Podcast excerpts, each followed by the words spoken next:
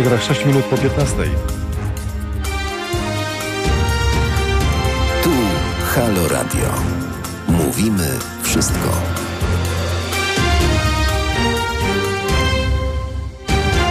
Zaczynamy Halo Aktualności. Akurat e, w czwartek 1 e, kwietnia, dziś imieniny Grażyny, Ireny, Teodora i Zbigniewa. Wszystkiego najlepszego, zdrowia przede wszystkim. Dziś także Międzynarodowy Dzień Ptaków.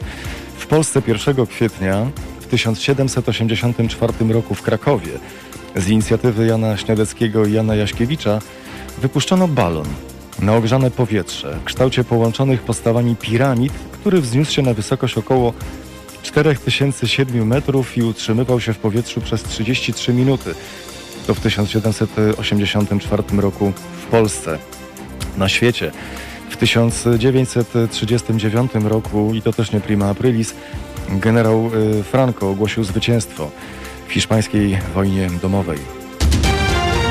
To są Halo Aktualności. Na które bardzo gorąco zapraszamy Paweł, który realizuje, Agnieszka Jóźwik, która jest wydawczynią i Mariusz Roko, skłaniam się też. E, przepraszam za wczorajszą chwilową niedyspozycję. Dzisiaj mam nadzieję, że już będzie wszystko w porządku.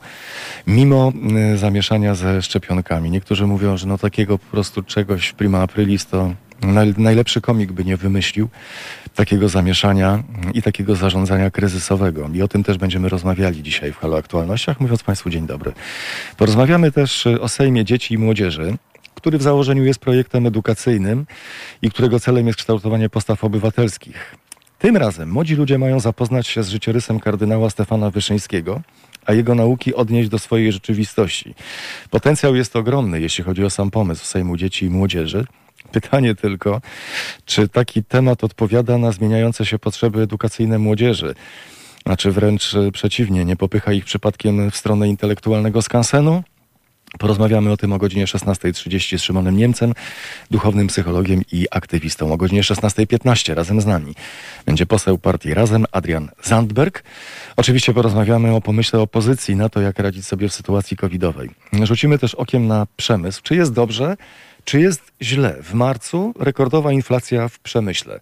Czy to jest dobry sygnał, czy to jest dobry znak dla rozwijającego się przemysłu, który ma naprawdę fantastyczne indeksy? jak na taką sytuację covidową, czy też nie. Porozmawiamy również o przechodzącej właśnie przez Sejm ustawie, która ma chronić nabywców mieszkań, a już niedługo być może podwyższy ich ceny. Tak alarmuje branża deweloperska i o tym porozmawiamy z dyrektorem generalnym Polskiego Związku Firm Deweloperskich, czego możemy się spodziewać na rynku mieszkań. I tak, teraz nam kredytu chyba nikt nie da takiego na wiele, wiele, wiele lat, ale warto, ale warto wiedzieć. Porozmawiamy już za chwilę i od tego zaczniemy dzisiejsze Halo Aktualności, w których również liczymy na Państwa obecność. Telefon 22 39 059 22 i skrzynka teraz małpahalo.radio i nasze media społecznościowe na YouTubie, na Facebooku. Polecam też stronę internetową halo.radio. Porozmawiamy o sytuacji covidowej, porozmawiamy z panem Aleksandrem Twardowskim, przedsiębiorcą, felietonistą, który zapisał się na szczepienie. Rocznik 81, skierowanie wystawione, termin za tydzień, szczepionka Pfizer. Tak było jeszcze, wydawać by się mogło, do godziny 10. Bo o godzinie 10 była konferencja prasowa, w której usłyszeliśmy, że system się posypał, że był jakiś błąd i teraz to wszystko trzeba będzie odkręcać, więc zobaczymy na czym stoimy już za chwilę.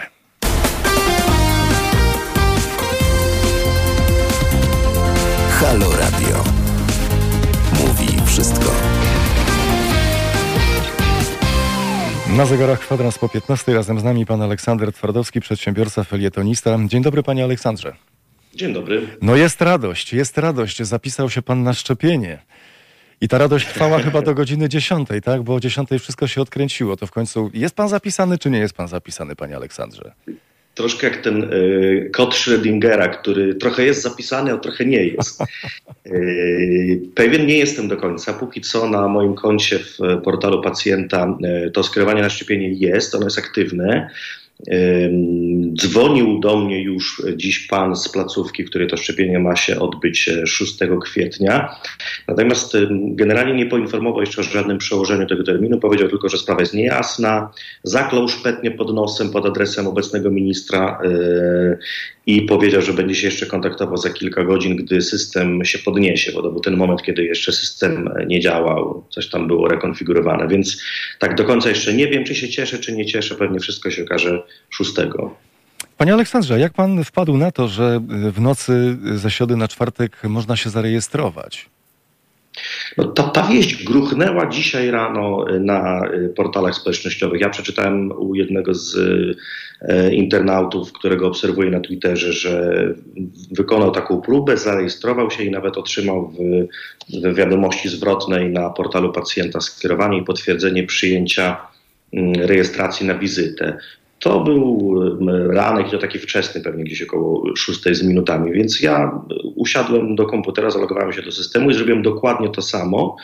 E, co ciekawe, dostępne były nawet terminy na dzisiaj. Dziś już wiemy też, bo to przyznał pan minister Dworczyk, że osoby, które się dziś rano zarejestrowały, e, udały się do e, punktów szczepień i zgłosiły się razem ze skierowaniem, zostały normalnie zaszczepione. Były dzisiaj możliwości, żeby się zaszczepić dzisiaj, w dniu dzisiejszym, a więc kliknąć rano, że się chce pójść do placówki, wybrać sobie placówkę w mieście rozwijanym z listy, co więcej, wybrać e, rodzaj szczepionki, bo była lista placówek z informacją, jaką szczepionką szczepią i po prostu pójść się zaszczepić. Czy pan jako przedsiębiorca, człowiek, który planuje, organizuje, przewiduje, zastanawia się, kalkuluje, obraca każdy pomysł z każdej możliwej strony, żeby sprawdzić, czy to w ogóle ma sens, ma rację bytu, Rozumie sytuację, w której do tej pory była sztywna lista y, i taki plan zrobiony, że idziemy od osób najstarszych y, i te osoby, które są najbardziej narażone, a więc personel medyczny, a cała reszta musi poczekać. I nagle z dnia na dzień okazuje się, że można ten system nie tyle przewrócić do góry nogami, co uzupełnić o ludzi właśnie 40. Plus. Nagle jakby wyczarowano nowe ręce do pracy, nowych ludzi, nowe miejsca, nową przestrzeń, nowe, nowe możliwości tak naprawdę przed nami się otworzyły.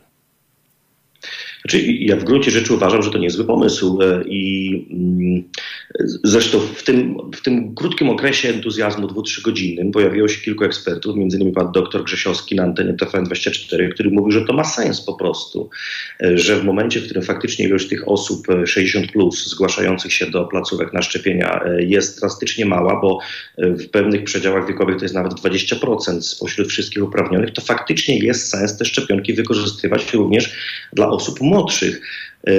Tyle tylko, że nie wiem, jak było naprawdę i to jest w tym wszystkim takie najbardziej bulwersujące, bo otrzymujemy sprzeczne komunikaty, dlaczego stało się tak, jak się stało. Minister mówi jedno rano, za chwilę mówi coś drugiego. Oficjalne konto na Twitterze Szczepimy się informuje, że to jest wszystko zgodne z planem, a godzinę później e, to samo konto informuje, że doszło do błędu i stąd e, zamieszanie.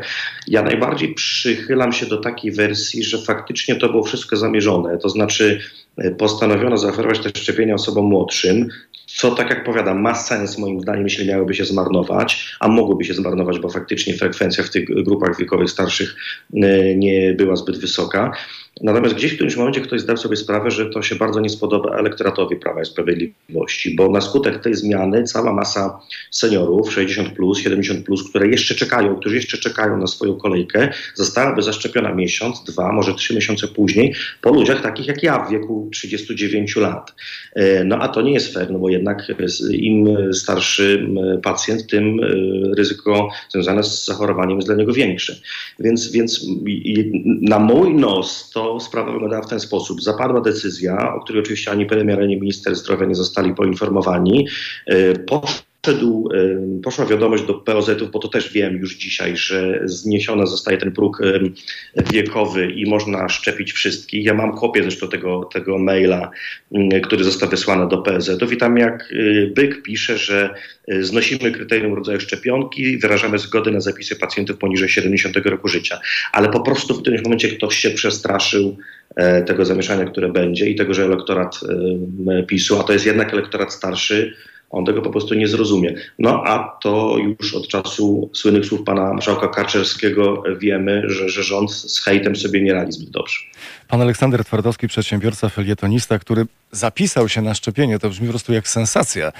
Mm, biorąc pod uwagę wiek, oczywiście nie wypominając, tylko w tym momencie to działa na, na, na plus y, pana i całej grupy, grupy osób 40, plus, której to mm, dotyczy, jest państwa i moim gościem na antenie Haloradia. Zastanawiam się nad tymi politycznymi konsekwencjami, dlatego że ludzie mogą nawet, jeśli mówimy o twardym elektoracie Prawa i Sprawiedliwości, poczuć się najzwyczajniej w świecie oszukani zrobieni, ponieważ jest prima aprilis, możemy użyć tego określenia, zrobienia w trąbę. To znaczy, najpierw mówimy, słuchajcie, nic więcej nie możemy zrobić, a nagle się okazuje, że możemy i to możemy o wiele więcej. No ja jestem sceptyczny, jeśli chodzi o polityczne konsekwencje. Po pierwsze, e, jestem przekonany, że duża część elektoratu e, Prawa i Sprawiedliwości o tym nie usłyszy po prostu, bo e, na prawicowym Twitterze o tym się nie mówi w ogóle. TVP się o tym nie zająknie, co do tego nie mam wątpliwości. Minister Dworczyk już mówi o jakimś błędzie systemu, tak jakby to jakiś system został odpowiedzialny, a nie człowiek za to, że się zdarzyło to, co się zdarzyło. Ja jestem przekonany, że po prostu ktoś gdzieś zezwolił na pewne zmiany w procedurze, więc ktoś gdzieś musiał coś kliknąć, coś włączyć, na coś wyrazić zgodę.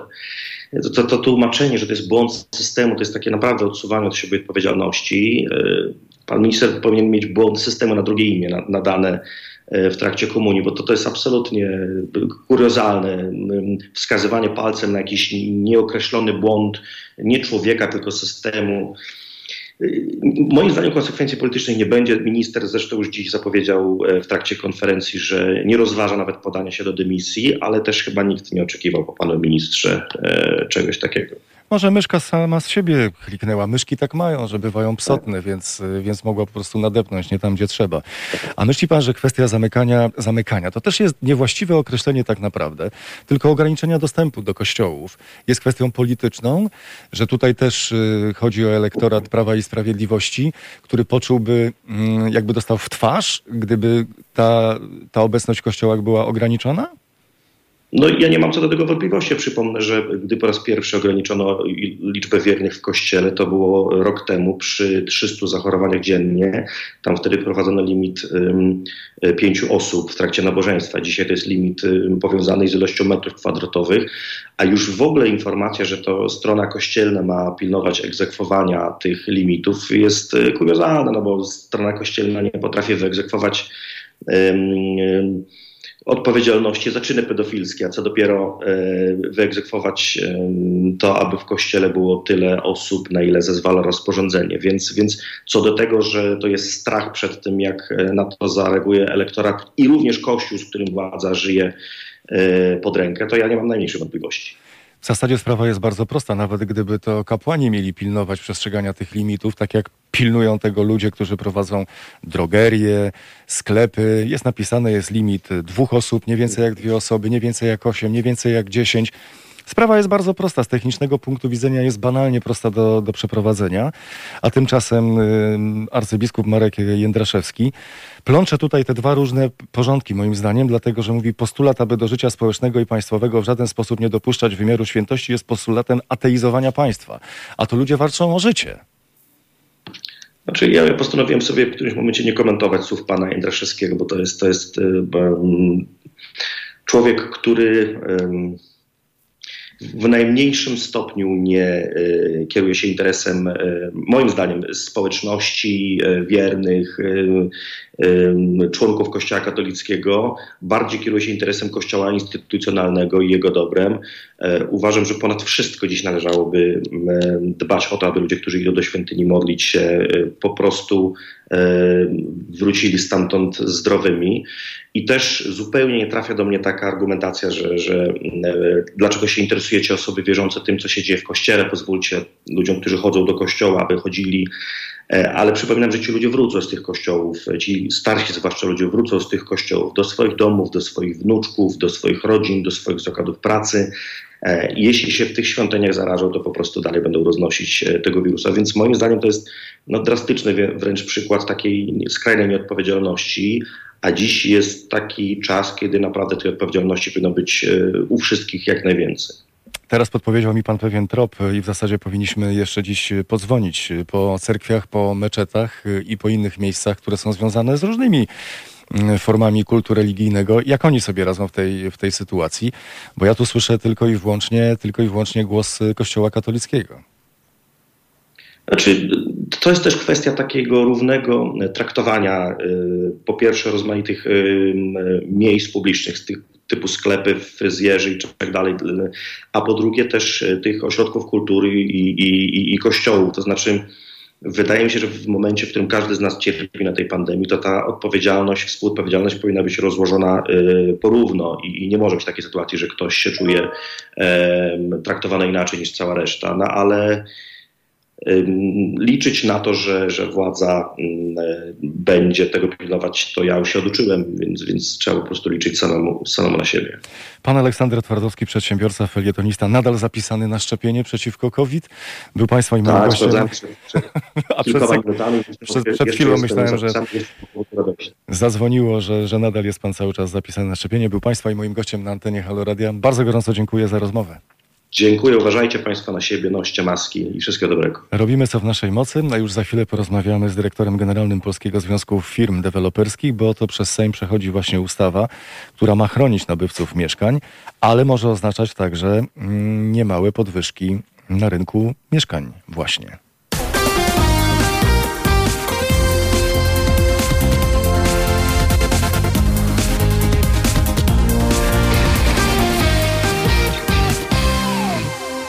Na zegarach 15.30, a więc jeszcze dziś, jeszcze przed nami o godzinie 16.50 felieton Ziemowita Szczerka, o 18.50 felieton Sylwii Hutnik, o 20.50 felieton Agaty Diduszko-Zyglewskiej, a o godzinie 22.50 felieton Arkadiusza Szczurka, na który bardzo gorąco zapraszam.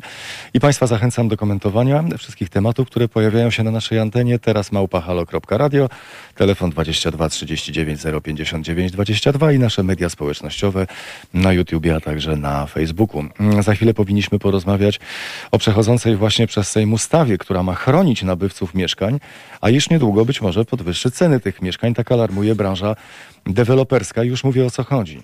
Jest pomysł, aby wprowadzić nową ustawę deweloperską, przepraszam, która być może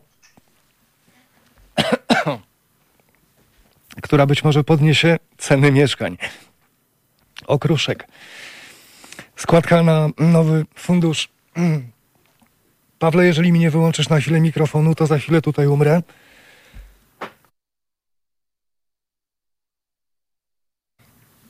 No i jak? No może trochę lepiej. Chociaż nie do końca. Nie wiem, coś się przykleiło do gardła. Składka na nowy fundusz wyniesie miliard złotych, choć potrzebne jest 7 razy mniej, a rząd chce być może przejąć te pieniądze. Tak wygląda przechodząca właśnie przez Sejm ustawa, która ma chronić nabywców mieszkań, a być może ceny mieszkań przez to podskoczą. W myśl projektu przygotowanego w Urzędzie Ochrony Konkurencji i Konsumentów ma powstać deweloperski fundusz gwarancyjny, na który będą wpływać składki w wysokości do 2% ceny zakupu każdego nowego mieszkania. Fundusz ma zapewnić poduszkę finansową na wypadek m.in. upadłości upadłości dewelopera. Jeszcze bardziej wzmocni bezpieczeństwo inwestowania w nieruchomości, co dla branży będzie bardzo dobrym e, zjawiskiem. Razem z nami właśnie w tej sprawie już dyrektor generalny Polskiego Związku Firm Deweloperskich. Dzień dobry panie Konradzie, pan Konrad Puchowski razem z nami, kłaniam się. Dzień dobry państwu. Panie Konradzie, jak panu się podoba ten pomysł, który właśnie przechodzi przez Sejm?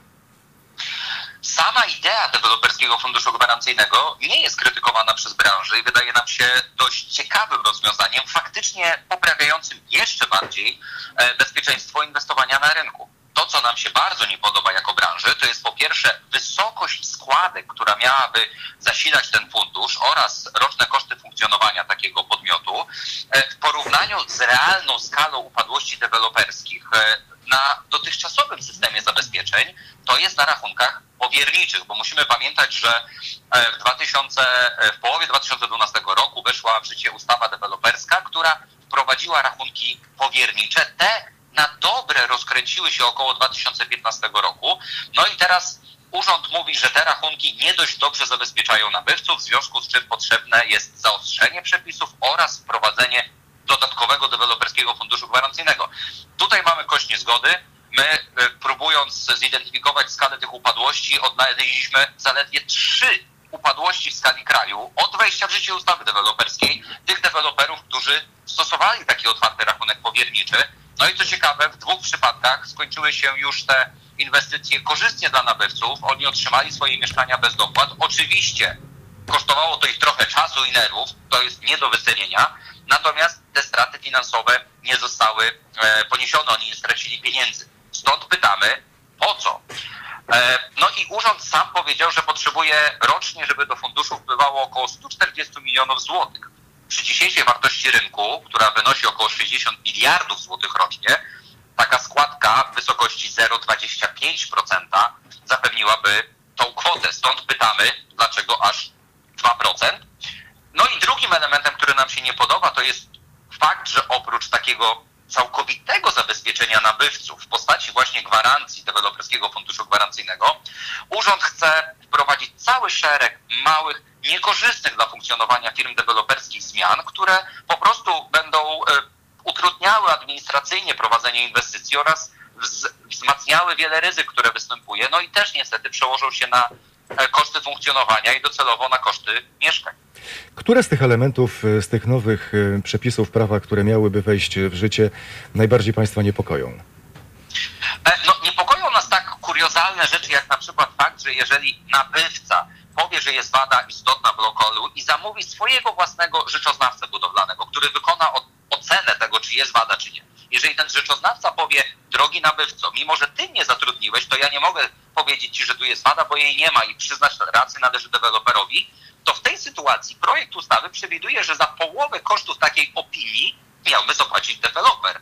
Czyli mamy sytuację, w której jeżeli ktoś oskarży nas o to, że jest wada, ale opinia rzeczoznawcy budowlanego zatrudniona, zatrudnionego przez tego, kto nas oskarża, e, powie, no nie jest to prawdą, to my mamy i tak zapłacić połowę kosztów takiej opinii. To jest sprzeczne w ogóle jakby z kulturowym systemem obowiązującym u nas w kraju. Nie podoba nam się to, że dwukrotnie będziemy musieli płacić składkę na taki fundusz w sytuacji, gdyby na przykład nabywca powiedział nam, drogi deweloperze, ja straciłem pracę, muszę się wycofać z umowy. Chcielibyśmy pomóc takiemu nabywcy i bezkosztowo dla niego wycofać się z umowy, umożliwić mu odstąpienie. Jeżeli to samo mieszkanie będziemy sprzedawali drugi raz, będziemy musieli drugi raz zapłacić składkę na ten deweloperski fundusz gwarancyjny. To tylko dwa z wielu kuriozów, które znajdują się w tej ustawie. Jaki jest, jakie są szanse na to, że wprawdzie składka na nowy fundusz ma wynieść miliard złotych, choć potrzebne jest 7 razy mniej pieniędzy? Jakie są szanse na to, żeby rząd położył rękę na tych pieniądzach, które nie zostaną wykorzystane, czyli skorzystał z tej nadwyżki, która zasili fundusz? Teoretycznie dzisiaj ustawa mówi o tym, że środki zgromadzone w deweloperskim funduszu gwarancyjnym mogą być wykorzystywane tylko na cele bezpośrednio związane z celami status, statutowymi tego funduszu i z, i z jego funkcjonowaniem. No ale wiadomo e, nie od dzisiaj, że politycy często sięgają po takie środki. Dość chociażby wspomnieć e, opłatę akcyzową od paliwa, która miała zasilać tylko i wyłącznie inwestycje drogowe. Sami wiemy, jak to się skończyło, więc przedsiębiorcy oczywiście wyrażają tutaj zwyczajnie obawę, czy nie jest to kolejna forma podatku. Jaka jest ogólna kondycja firm deweloperskich w Polsce? Ta jest dość dobra. E, pandemia szczęśliwie e, była w miarę łagodna dla, dla branży deweloperskiej. Popyt na mieszkania i, i w ogóle budynki okazał się być bardzo stabilny. W poprzednim roku e, w całym kraju my szacujemy, że spadek sprzedaży nie przekroczył 10% względem roku 2019, co jest naprawdę bardzo dobrym wynikiem na ten pandemiczny, pandemiczny czas. No i patrząc na historycznie na, na upadłości deweloperów e, w ostatnich latach, kiedy zwłaszcza funkcjonują właśnie rachunki powiernicze, no to okazuje się, że tych upadłości e, faktycznie nie możemy znaleźć. Możemy znaleźć e, upadłości wykonawców i rzeczywiście Łokik, argumentując potrzebę wprowadzenia tak rygorystycznych przepisów, mówi o 150 upadłościach od 2011 roku. No, pierwszym problemem jest, że posługuje się danymi dotyczącymi upadłości jeszcze sprzed okresu wejścia w życie ustawy deweloperskiej a tym bardziej sprzed momentu, kiedy na dobre rozkręciły się rachunki powiernicze, a po drugie posługuje się jedynymi danymi, które mamy dostępne pod ręką, e, czyli e, bazując na PKD na kodzie, który przedsiębiorcy wpisują jako podstawowy kod działalności, no i on w skrócie dotyczy wznoszenia budynków. Problemem jest to, że wśród tych 150 firm, które upadły, ogromna część to są po prostu wykonawcy, a nawet jeżeli tam są deweloperzy, to pytanie jest, ilu deweloperów było, którzy prowadzili jakieś inwestycje i nabywcy jacyś zostali w ogóle dotknięci taką upadłością. Gdyby zostały wprowadzone te wszystkie zmiany w przepisach, o których y, rozmawiamy, to o ile procentowo skoczyłyby ceny mieszkań w Polsce? No, dość e, czytelnym jest 2% oczywiście, czyli wysokość tego, e, tej składki na deweloperski fundusz gwarancyjny. E, ona ostatecznie ma być określona jeszcze w rozporządzeniu. Natomiast drugim elementem, który inwestorzy czy przedsiębiorcy będą musieli po prostu uwzględniać, to są te koszty administracyjne, które pojawią się w ustawie względem tych, które dzisiaj obowiązują. My jeszcze jako Polski Związek Firm Deweloperskich szacujemy te koszty. Spodziewamy się, że pewnie będzie to w okolicach 1 do 2% w zależności od tego, jak duża firma. Im większa firma, tym te koszty będą mniejsze. Większe koszty będą u tych najmniejszych, rodzinnych firm, gdzie, gdzie te trudności administracyjne będzie ciężej pokonać. Natomiast E, Wielkopolska Izba Budownictwa policzyła e, swoje szacunki, przedstawiła na komisji sejmowej, mówiąc aż o łącznym wzroście około 5%. My jeszcze liczymy, zbieramy ankiety i opinie od naszych członków, e, no natomiast to jest co najmniej wysokość składki plus pewnie około 1% obciążeń administracyjnych i nowych ryzyk, które się pojawiają. Pan Konrad Płochowski, dyrektor generalny Polskiego Związku Firm Deweloperskich, był Państwa i moim gościem na antenie Halo Radia. Bardzo gorąco dziękuję za rozmowę i życzymy zdrowia. Dziękuję Państwu wzajemnie. Za chwilę porozmawiamy o sytuacji naszego przemysłu. Mamy rekordową inflację, ale mamy też całkiem niezłe wskaźniki, jeśli chodzi o przemysł. Na zegarach za 19 minut 16.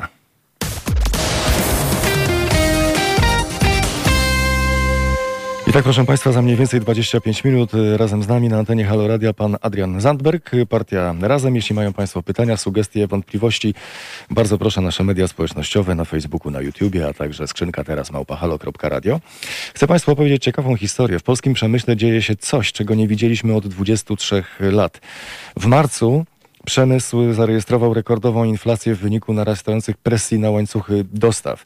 Koszty produkcji i ceny, mówiąc po ludzku, wyrobów gotowych rosną najszybciej od rozpoczęcia badań w 1998 roku, czyli przynajmniej od 23 lat. Jest taki indeks, wskaźnik PMI, który obrazuje koniunkturę w sektorze przemysłowym. Każdy wynik powyżej 50 punktów oznacza rozwój.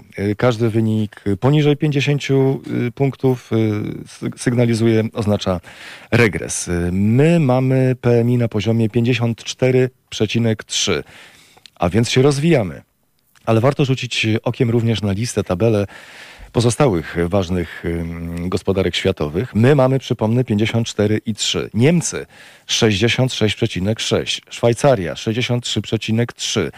Na trzecim Szwecja, potem Włochy, potem Francja, Czechy 58, Hiszpania prawie 57. Za nami Turcja Rosja i Węgry 48,7. Taka jest sytuacja gospodarcza, ale są tacy, którzy mają pieniądze i też zastanawiają się, w jaki sposób przemodelować trochę swój mm, pomysł na funkcjonowanie gospodarki. Arabia Saudyjska, i to wcale nie jest prima aprilis, bo sprawdziłem datę publikacji na businessinsider.pl, to 30 marca.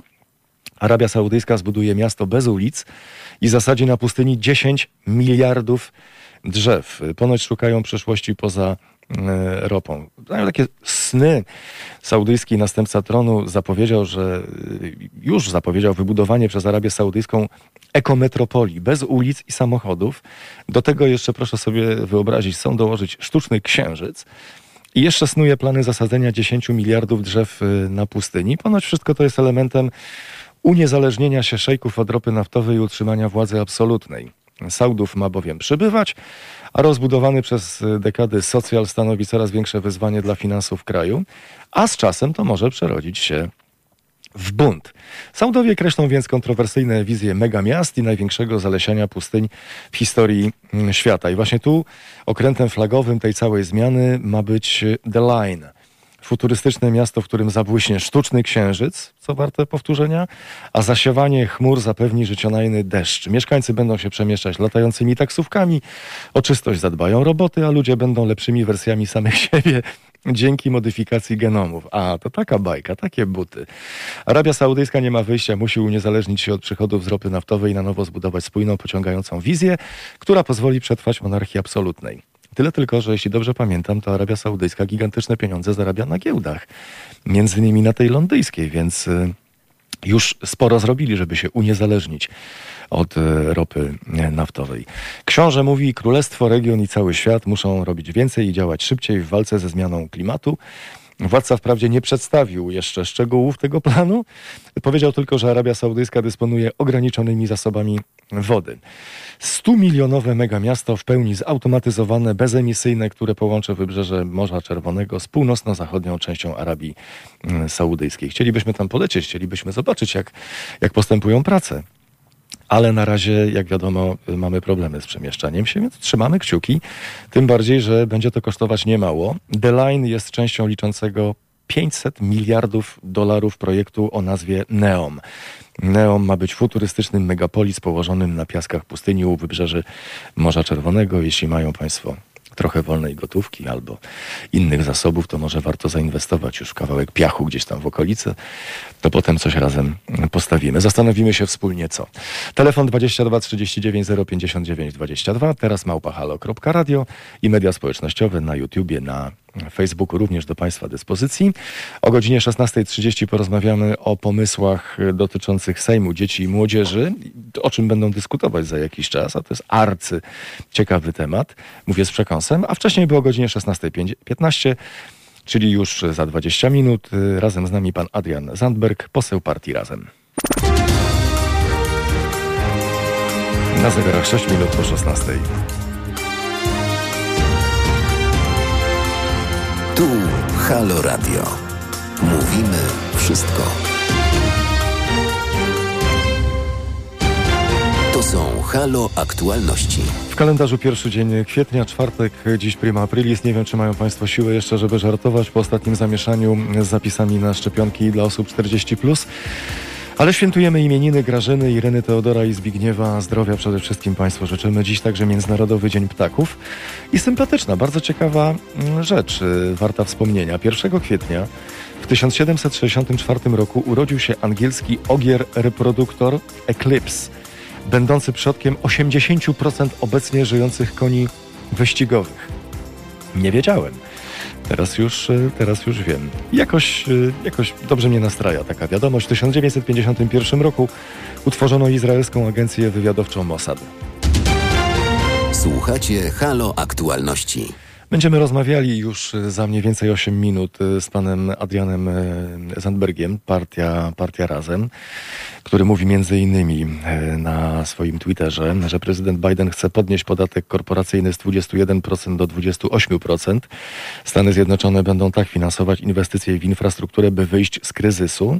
Zleżała ortodoksja, wedle której budżet ma finansować pracownik, a kapitał należy wiecznie zwalniać z podatków i tak dalej, i tak dalej. O tych pomysłach y, amerykańskich, na ile to da się zastosować y, w Polsce, również porozmawiamy, ale oczywiście porozmawiamy o obecnej sytuacji mm, nie tyle w obozie władzy, tylko jak partia razem poradziłaby sobie w tej sytuacji inaczej, a może nawet i y, lepiej. Pan Adrian Zandberg na Twitterze swoim opublikował również taką, taką treść. Na moim koncie pacjenta dostałem termin szczepienia. Z tego co czytam, to dotyczy wielu 40-latków. Jeśli to błąd, to trzeba go naprawić, a jeżeli Ministerstwo Zdrowia otworzyło jakąś nagłą, doraźną rejestrację na szczepionki dla kolejnych roczników, to chyba wypadałoby to ogłosić.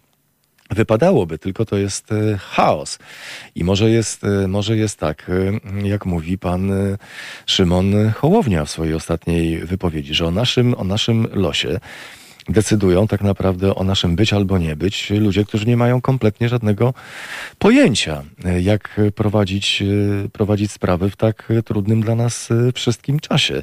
Szymon Hołownia powiedział wprost, o naszym życiu i śmierci decyduje banda Gamoni. być może też pan Szymon Hołownia pojawi się na naszej antenie i będzie okazja, aby pan Szymon Hołownia doprecyzował, co ma na myśli. Porozmawiamy także o godzinie 16.30 tym, czym ma się zajmować Sejm Dzieci. To jest e, taki projekt bardzo ciekawy. Sejm Dzieci i Młodzieży to projekt edukacyjny. On miałby rozbudowywać e, społeczeństwo obywatelskie, mm, kształtować postawy obywatelskie. Tyle, że w tym roku młodzi ludzie mają się zapoznać z życiorysem kardynała Stefana Wyszyńskiego, a jego nauki odnieść do swojej rzeczywistości. Od początku istnienia Sejm Dzieci i Młodzieży był niezwykle popularny, a zainteresowanie nim nie słabnie do dziś. Być może dlatego, że jego formuła stale ewoluuje, odpowiadając na zmieniające się potrzeby edukacyjne jego uczestników. Wysoki potencjał, zainteresowanie ogromne, tylko czy akurat e, temat jest, e, temat jest właściwy, czy nie ma ważniejszych e, tematów do omówienia i takich tematów, nad którymi młodzież powinna się mm, pochylić. Może po prostu nie doceniamy naszej młodzieży, tylko traktujemy ich cały czas jak dzieci, takie małe, małe. A może w ogóle nie stawiamy przed y, nimi jakichkolwiek wyzwań intelektualnych? A może jest y, też tak, że my nie znamy młodzieży i stąd y, biorą się takie tematy, jak na przykład ten, o którym powiedziałem. Komuś się wydaje, że rzućmy taki temat, zobaczymy, co się stanie. Na Facebooku, na YouTubie, a także dzwoniąc 22 39 059 22 mogą być Państwo aktywni w naszych audycjach, do czego bardzo gorąco zapraszam. Już za chwilę na naszej antenie Adrian Zandberg. Tu Halo Radio. Mówimy wszystko. Na zegarach kwadrans po 16 razem z nami pan Adrian Zandberg, Partia Razem. Dzień dobry panie pośle. Dzień dobry. Jak pan ocenia działania rządu w obecnej sytuacji pandemicznej, covidowej? Hmm, wielkie pytanie. Hmm, jak pan się zapewne domyśla, nie najlepiej. Nie najlepiej, bo wiele rzeczy zostało skrzanionych. Pierwsza i zupełnie podstawowa jest taka, że nie powinno się podejmować decyzji e, bez wiedzy o tym, jakie mamy rozpowszechnienie konkretnych szczepów wirusa. Zresztą ostrzegałem o tym w styczniu, między innymi na parlamentarnym zespole do spraw szczepień, wtedy, kiedy rząd podejmował te decyzje, no, tak naprawdę pod sondaże opinii publicznej. E, przestrzegałem, że to nie jest dobry pomysł. E, no i obawiam się niestety, że wyszło na moje, bo te konsekwencje częściowego otwierania branż, od wpuszczenia części dzieci do szkół są takie, które widzimy w tym momencie w szpitalach. E, ale wie pan, to nie tylko takie rzeczy, to jest też hmm, kwestia pewnej filozofii myślenia o obywatelach. Wiele miesięcy temu my zaproponowaliśmy rządowi takie rozwiązanie, żeby na czas epidemii ludzie, którzy dostają skierowanie na kwarantannę, tak, którzy dostają chorobowe w związku e, z tą całą sytuacją, żeby dostawali w e, trakcie tej kwarantanny, w trakcie chorobowego 100% pensji. Tak, żebyśmy nie znaleźli się w sytuacji, w której ludzie, żeby nie stracić części pensji, ukrywają chorobę, idą chorzy do pracy, nie chcą zgłosić się do kwarantanny. Wtedy żeśmy usłyszeli od organizacji biznesowych i od rządu, że to, co my chcemy, to jest jakieś rozpuszczanie pracowników. No to y, ta filozofia teraz skończyła się tak, i to też pan minister zdrowia przyznał właśnie ostatnio, że połowa ognisk, jeżeli chodzi o epidemię w tym momencie, to są ogniska w zakładach pracy. No to jest między innymi konsekwencja tego, że tego rozwiązania, które żeśmy przynieśli, położyliśmy w gotowej formie ustawowej na tacy rządowi, nawet nie musieli sami go pisać. Nie przyjęto. E, I myślę sobie, że no ja mógłbym tak długo i pewnie trochę zanudzając i pana redaktora i, i, i słuchaczy. Nie, nie, panie, nie, nie, jest... panie pośle, pani, pani Janka Targosz bardzo pana lubi i lubi, lubi pana, pana słuchać, więc przekazuje, bardzo, przekazuje bardzo pozdrowienia. Proszę. Ale gdyby państwo, także, ale gdyby państwo teraz mieli y, sprawować władzę, to jakie decyzje w pierwszej kolejności państwo by podjęli w obecnej sytuacji? No leżymy po prostu tak naprawdę. Sytuacja jest dramatyczna i to trzeba powiedzieć otwarcie, tak? To znaczy teraz zbieramy owoce tego, co było parę tygodni temu. Ja to mówię zresztą otwarcie w mediach w ostatnich dniach. To, to co, wybór, przed którym stoimy jest taki. Albo zrobimy lockdown, ale naprawdę na krótko, albo z takim poziomem restrykcji, który jest teraz i tak dolegliwym, będziemy się męczyć dłużej. Moim zdaniem lepsze jest to pierwsze rozwiązanie. E, I e, osobiście uważam, że znowu jesteśmy w tej samej sytuacji co paręnaście tygodni temu, to znaczy rząd podejmuje decyzję z opóźnieniem, właśnie znowuż ociągając się i patrząc na sondaże i efekt będzie taki, że przez to będziemy się dłużej z tą epidemią męczyć. No plus są oczywiście wpadki takie, jak wszyscy żeśmy widzieli dzisiaj przy okazji systemu szczepień, tak, których e, no, po prostu e, kiedy e, coś zostanie schrzanione, to wychodzą przedstawiciele rządu i mówią, że system nawalił. Ale prawda jest taka, że to, to nie system nawala, tylko zawsze na końcu jest jakaś osoba, która podejmuje te decyzje e, i która powinna przynajmniej wyjść i powiedzieć: Przepraszam, e, to, to, e, to mój błąd. E, takich słów nie usłyszałem, a przez to trochę nie mam zaufania, że coś zostanie naprawione. A wie pan, to co się dzisiaj działo, to nie jest tylko kwestia samego systemu rejestracji do szczepień. Bo dużo większa sprawa to jest to, że w chwili, kiedy rząd zorientował się, że, że, że, że zrobił coś głupiego, to po prostu wyłączono wszystkie systemy. I efekt był taki, że lekarze z zaprzyjaźnionych z nami związków zawodowych sygnalizowali nam od rana, że nie da się wypisywać recept, że nie da się wypisać skierowań. Nagle się okazało, że po prostu połowa polskiego systemu informatycznego leży publicznego. E, no i no to też tak nie powinno wyglądać. To jest tak naprawdę zadanie dla Najwyższej Izby Kontroli, żeby się temu przyjrzeć i odpowiedzieć na pytanie, dlaczego, e, dlaczego, dlaczego w sytuacji kryzysowej to tak działa, czy też raczej nie działa, jak żeśmy zobaczyli w tej, w tej sprawie. Bo ja tutaj nie mam, powiem uczciwie, jakiejś wielkiej pretensji do rządu o to, że pojawił się błąd, bo błąd się zdarza. Wie pan, ja pracowałem jako programista przez lata, zanim, zanim, zanim, zanim zostałem posłem. W związku z czym e, jestem świadom tego, że systemy informatyczne bywają zawodne. No ale systemy Natomiast, no, informatyczne no, też, się, system, też się tak, testuje system, wcześniej, zanim się w ogóle wprowadzi do użytku. Tak, tak, ale jakby to, to się, to, błędy się zdarzają. Problem, naprawdę duży problem polega na tym, co zdarzyło się potem. Tak? Ja, wie pan, ja dzisiaj rano, kiedy dobiegła do mnie ta informacja o tym, e, że, e, że, że, że jest coś dziwnego w tym systemie rejestracji na szczepienia, takie znowuż no, stare skrzywienie zawodowe. E, wszedłem sprawdzić, przeklikać się, zobaczyć, e, jak ta sytuacja wygląda. No i napisałem do Ministerstwa Zdrowia e, z pytaniem, czy to, że 40-latkowie, tacy jak ja, mają w momencie skierowania na, na szczepienie, to jest błąd, czy to jest o co chodzi. No i tutaj zaczyna się problem, bo zamiast powiedzieć jasno i uczciwie, schrzaniliśmy coś, przepraszamy, już naprawiamy, to przez kilka godzin ważni urzędnicy publiczni, ważni politycy, ważne instytucje kręciły, mówiły sprzeczne rzeczy, podawały fałszywe komunikaty ludziom, e, pisali rzeczy niezgodne z prawdą w internecie. E, problem polega na tym, że jak się w ten sposób postępuje, to po prostu się niszczy zaufanie obywateli do państwa. A tak naprawdę to zaufanie obywateli do państwa to jest najważniejsza broń, jaką mamy przeciwko koronawirusowi.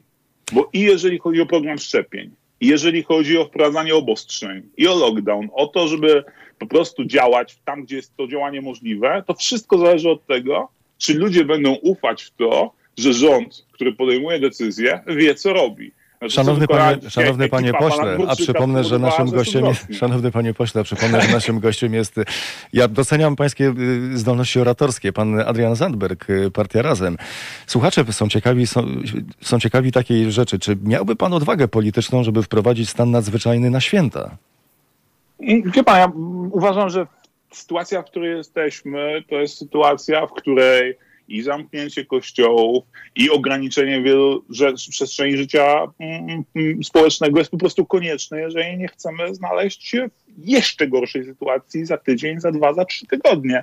Więc y, jeżeli ktoś myśli, że zamykając oczy i nie działając spowoduje, że problem zniknie, no to mam złą informację. Po prostu w dziewięciu przypadkach na dziesięć jest odwrotnie. Tak? Oczywiście zdarzają się cuda. Może się zdarzyć, że rządzący będą mieli szczęście, nic nie zrobią e, i nagle fala się cofnie, ale liczenie na to jest moim zdaniem mocno nieodpowiedzialne. Ja chciałbym, żeby jeżeli ktoś bierze odpowiedzialność za władzę, jeżeli ktoś mówi chce wami rządzić, no to żeby miał odwagę też podejmować decyzje, a e, tej odwagi no ewidentnie i przy drugiej, i przy trzeciej fali rządowi parę razy zabrakło. A kłopot polega na tym, że cenę za to, że rządowi tej odwagi zabrakło, nie zapłacą rządzący, no tylko tę cenę zapłacą ludzie, którzy mogli żyć. No bo jak pan spojrzy na te statystyki, to one są naprawdę przerażające, bo widać w nich, że różne państwa różnie sobie z tą sytuacją radzą. I ilość ludzi w Polsce, nadmiarowych zgonów, czyli ludzi, którzy mogliby żyć, zmarli już w wyniku, e, w wyniku przebiegu epidemii, no ta ilość nadmiarowych zgonów w Polsce jest przerażająca, jest przerażająco wysoka i kontrastuje na tle innych krajów, które postępując rozważnie radzą sobie lepiej. To rzućmy okiem na to, jak e, radzą sobie w Stanach Zjednoczonych, e, bo to na ten pomysł również pan się powołuje, opublikował pan na Twitterze. Prezydent Biden chce podnieść podatek korporacyjny z 21 do 28%. Jak to zrobić w Polsce? Bo rozumiem, że sam pomysł panu się podoba. Ja uważam, że to, o czym mówi w tym momencie administracja Bidena, mm, ma sens. Ma sens, bo my żeśmy się wszyscy przyzwyczaili do takiego e, rozumowania. To jest popularne i w mediach, i w, e, wśród polityków, że budżet to mają utrzymywać pracownicy z podatków od swoich pensji. Natomiast jeżeli chodzi o kapitał, to kapitałowi można tylko i wyłącznie dawać ulgi podatkowe, zwalniać go z podatków, najlepiej jakby w ogóle tych podatków nie płacił, bo inaczej się obrazi i ucieknie. To jest oczywiście dęta historia, bo tak e, się w, w żaden inwestor nie, za, nie zachowuje, ponieważ inwestorzy patrzą na to, czy są sensowni pracownicy w, na danym rynku, czy są perspektywy sprzedaży towarów na danym rynku, jak wygląda infrastruktura, e, jak wygląda otoczenie prawne i bezpieczeństwo obrotu prawnego. To są rzeczy, na które patrzy inwestor. Natomiast te bajki o tym, że trzeba mieć zerowe podatki, bo inaczej inwestorzy do nas nie przyjdą, to jest jakiś taki smutny relikt lat 90. i czasu, kiedy polska gospodarka naprawdę była w opłuchanej kondycji, ale dzisiaj tak nie jest. I myślę, że najwyższy czas, żebyśmy no też z tego archaicznego myślenia powoli zaczęli wychodzić. Ja uważam, że budżet państwa powinien być w większym stopniu utrzymywany z podatków płaconych przez kapitał, tak żeby można było odciążyć pracowników, zwłaszcza tych pracowników, którzy zarabiają najmniej.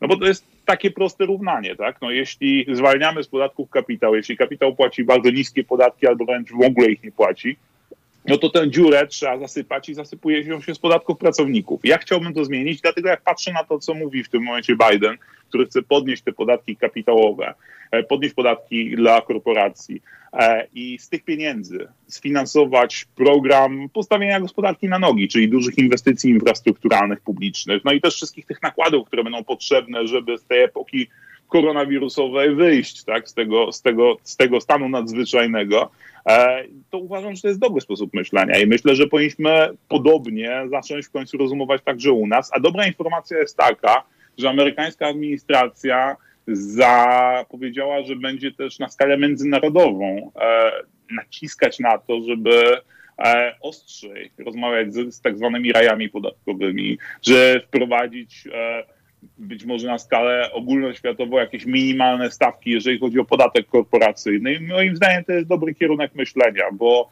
te, ta patologiczna sytuacja, w której wiele dużych firm zarabia na naszych rynkach, zarabia na naszych, naszych gospodarkach, a później nie dorzuca się do budżetu, czyli nie dorzuca się do szkół, nie dorzuca się do szpitali, nie dorzuca się do funkcjonowania systemu zabezpieczenia społecznego, no to to jest coś nieakceptowalnego.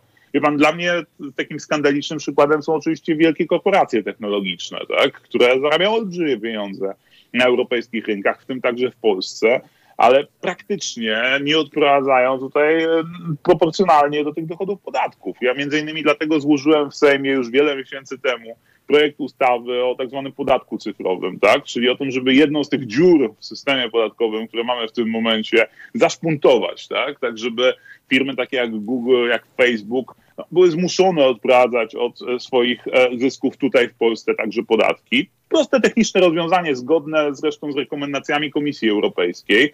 No tylko też, e, wie pan, złożyłem to ustawę, ona leży w Sejmie, leży od zeszłego roku, ale większość pisowska nie odważyła się nawet tej ustawie nadać numeru druku sejmowego. Co też dosyć dobrze niestety pokazuje, że jest to rząd, który jest e, dosyć silny wobec słabych, ale słaby i uległy wobec silnych. Pan Adrian Zandberg, poseł partii Razem, dziś razem z nami na antenie Haloradia. Bardzo gorąco dziękuję za spotkanie, dziękuję za rozmowę. Dziękuję bardzo, do usłyszenia. Już za kilka minut porozmawiamy o Sejmie, ale tym razem Sejmie Dzieci i Młodzieży. To projekt edukacyjny, którego celem jest kształtowanie postaw e, obywatelskich. No ale jak Państwo zobaczą, jaki temat będzie dyskutowany przez e, dzieci i młodzież w najbliższym czasie, czyli życiorys kardynała Stefana Wyszyńskiego, to rodzi się pytanie, czy to nie jest intelektualny skansem.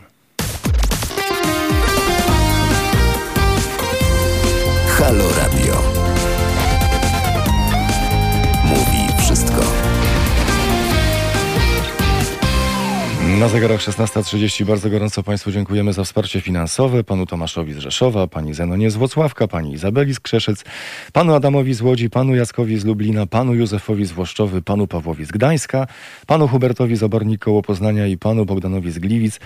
Dziękujemy, że Państwo o nas pamiętają i proszę tak trzymać. Tak trzymać, na zrzutka.pl kośnik y, Halo Radio. A razem z nami y, właśnie w tej chwili pan Szymon Niemiec, psycholog, polski działacz społeczności LGBT, wieloletni współorganizator Parad Równości Duchowny. Czy coś pominąłem? Nie, zdaje się, że wszystko pan wymienił. Dzień, dzień dobry panu, dzień dobry państwu. Rozmawiamy, w zasadzie to będzie punkt wyjścia do naszych, do naszych rozważań, jak sądzę, bo temat jest szeroki. Mamy oto Sejm Dzieci i Młodzieży. To jest projekt edukacyjny i y, celem tego projektu jest kształtowanie postaw obywatelskich. I mamy temat następujący, który teraz biorą pod obrady dzieci i młodzież. Życiorys kardynała Stefana Wyszyńskiego. I te, ta cisza jest chyba wymowna. E, Ta cisza, rozumiem, że oznacza zaskoczenie, no bo to jest y, Nie, tutaj... nie jest to... Absolutnie nie jest to zaskoczenie, to jest raczej e, opadnięcie ręki, szczę, e, rąk, szczęki i wszystkich innych członków, które tylko mogą człowiekowi opaść. E, to jest po prostu skandal. To jest skandal i e, myślę, że jest to jasny obraz tego, co właśnie obserwujemy w całej naszej, w całym naszym życiu politycznym. Tak? To jest po prostu jedno wielkie e, splunięcie w twarz e, no, tak naprawdę ogromnej liczbie Polak, Polek i Polaków. E, głównie mam tu na myśli osoby różnych wyznań, nie tylko ewangelików, nie tylko luteran, nie tylko osób innych wyznań chrześcijańskich, ale też przecież olbrzymiej mniejszości muzułmańskiej, żydowskiej, osób bezwyznaniowych, no całego, całe mnóstwo osób, które generalnie rzecz ujmując z Kościołem rzymskokatolickim niekoniecznie mają po drodze. A może to jest próba, próba to jest tak, może tak naprawdę to jest sabotaż, to znaczy rzucić taki temat, żeby zniechęcić dzieci i młodzież do rozmawiania i kształtowania postaw obywatelskich. Zobaczą temat, pomyślą sobie, ja się w to nie bawię, mnie to nie interesuje.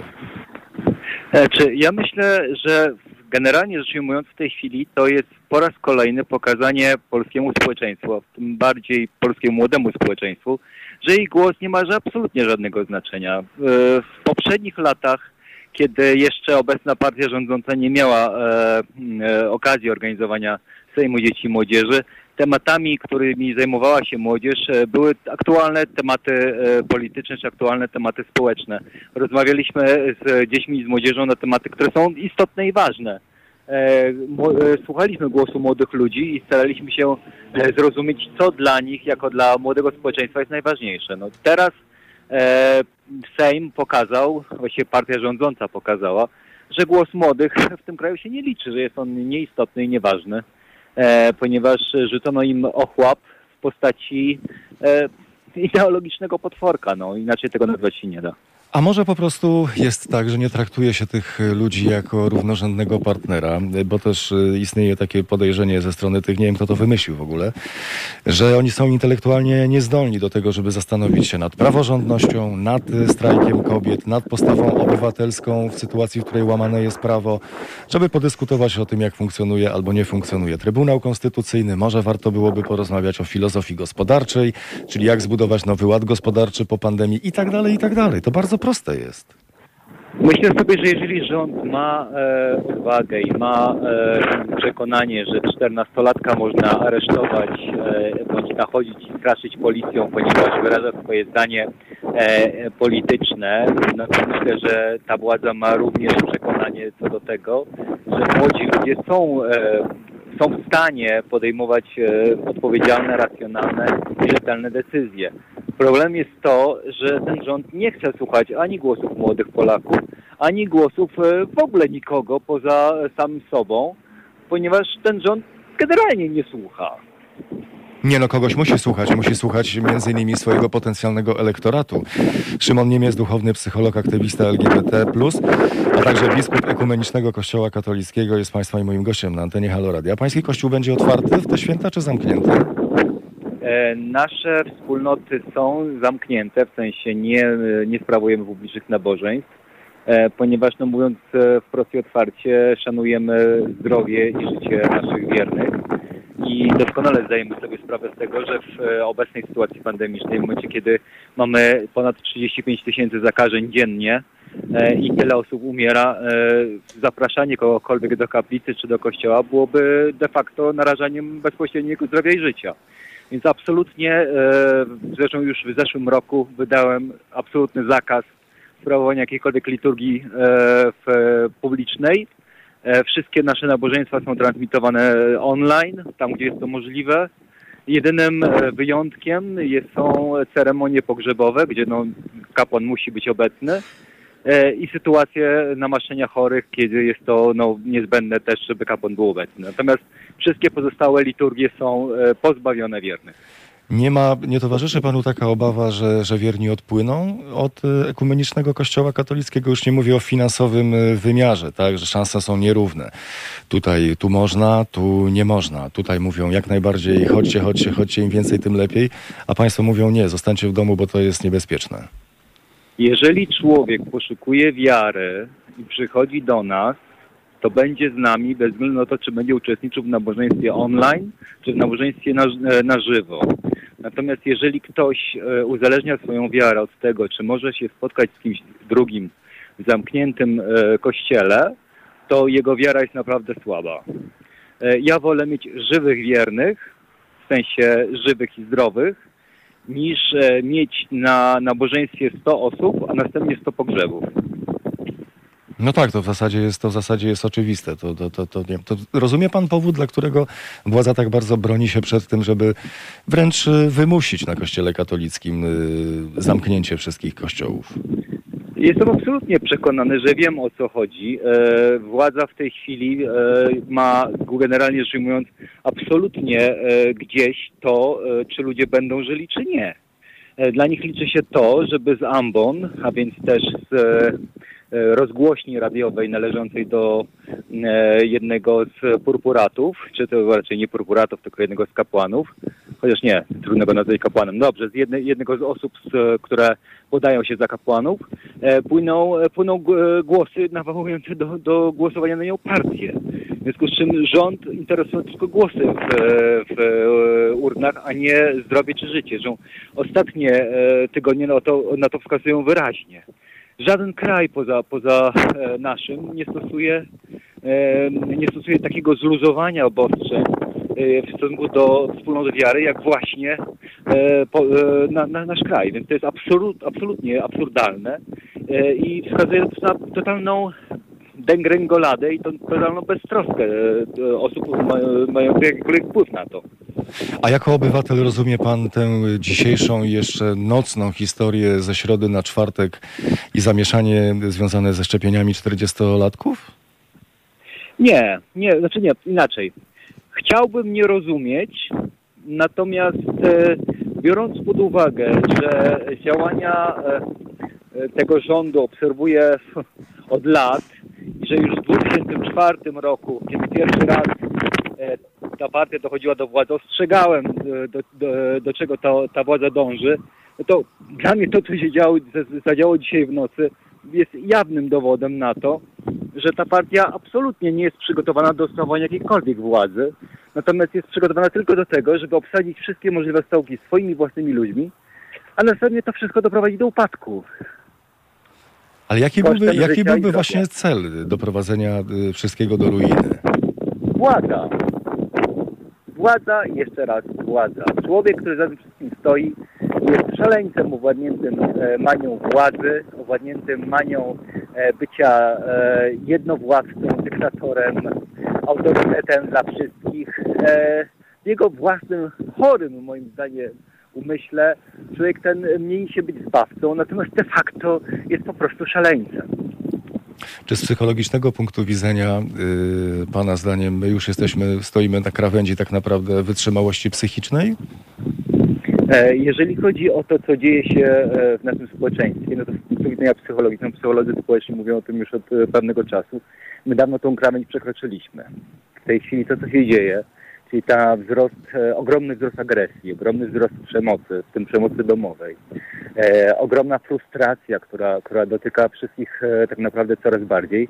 E, to, co się dzieje w e, szpitalach, to, co się dzieje w klinikach zdrowia psychicznego, e, jakby świadczy jednoznacznie o tym, że po prostu my, my przekroczyliśmy granicę wytrzymałości psychicznej. W tej chwili e, jesteśmy w, w czymś, co można byłoby z takiego psychologicznego punktu widzenia nazwać po prostu tantrum, tak? Po prostu jesteśmy w tej chwili w, w, w etapie kryzysu, e, właściwie takiej, no, można powiedzieć, załamania nerwowego. No tak, jeszcze dołożymy do tego za chwilę być może coraz mocniej przedostającą się do naszych umysłów świadomość, że tak naprawdę z COVID-em to jesteśmy sam na sam, już żaden rząd między nami nie stoi, to będzie jeszcze gorzej. Tak, dokładnie, dokładnie tego należy się spodziewać. Należy się spodziewać, że będzie coraz gorzej. A liczyłem chociaż na odrobinę nadziei. Jest nadzieja? Jest. Oczywiście, że jest. Nadzieja jest zawsze w nas, e, czyli w tym, e, kim jesteśmy, jak sami dbamy o samych siebie, bo to, na co możemy e, stawiać, to o co możemy zadbać, to właśnie o samych siebie. Akurat teraz, w tej chwili, kiedy zbliżają się święta, kiedy mamy tą chwilę, prawie, prawie tygodnia, bo to jest pięć dni, kiedy możemy spróbować chociażby ograniczyć te kontakty zewnętrzne i spróbować chociaż pomyśleć e, też o sobie, no to jesteśmy w stanie rzeczywiście sami, bez wsparcia e, pseudorządzących, e, tą pandemię powstrzymać, bo my jesteśmy w stanie ją powstrzymać. I być, może, I być może nawet będziemy unikać e, dylematu czy sernik, czy babka wielkanocna, tylko po prostu pozwolimy sobie i na sernik, i na babkę wielkanocną. Dokładnie. Dokładnie, panie redaktorze. Szymon Niemiec, duchowny psycholog, aktywista LGBT+, i biskup Ekumenicznego Kościoła Katolickiego, dziś razem z nami. Bardzo serdecznie dziękuję za rozmowę. Dziękuję serdecznie. To są Halo Aktualności. Na zegarach za 17 minut 17, a więc za kilkanaście minut wiadomości, a także prognoza pogody. W ostatniej chwili, dosłownie przed, przed chwilą pojawiła się taka oto wieść. Jarosław Gowin i Paweł Kukis w przyszłym tygodniu mają podpisać porozumienie o współpracy programowej. Obie partie umówiły się na wyznaczenie po trzech postulatów, o których realizację razem będą zabiegać. Myślę, że to jeden z tych tematów, y, a propos różnego rodzaju przetasowań na polskiej scenie politycznej. Jeden z tematów halo komentarzy dziś pod redakcją Pawła Moskalewicza z gościnnym y, udziałem i Magdaleny Rigamonti i Łukasza Lipińskiego. A więc szczepienia, konflikt na prawicy. Ordo Juris y, również wpisuje się w tę rozmowę. Będziemy także rozmawiali y, z Fundacją Reporterów y, o ofensywie Ordo Juris.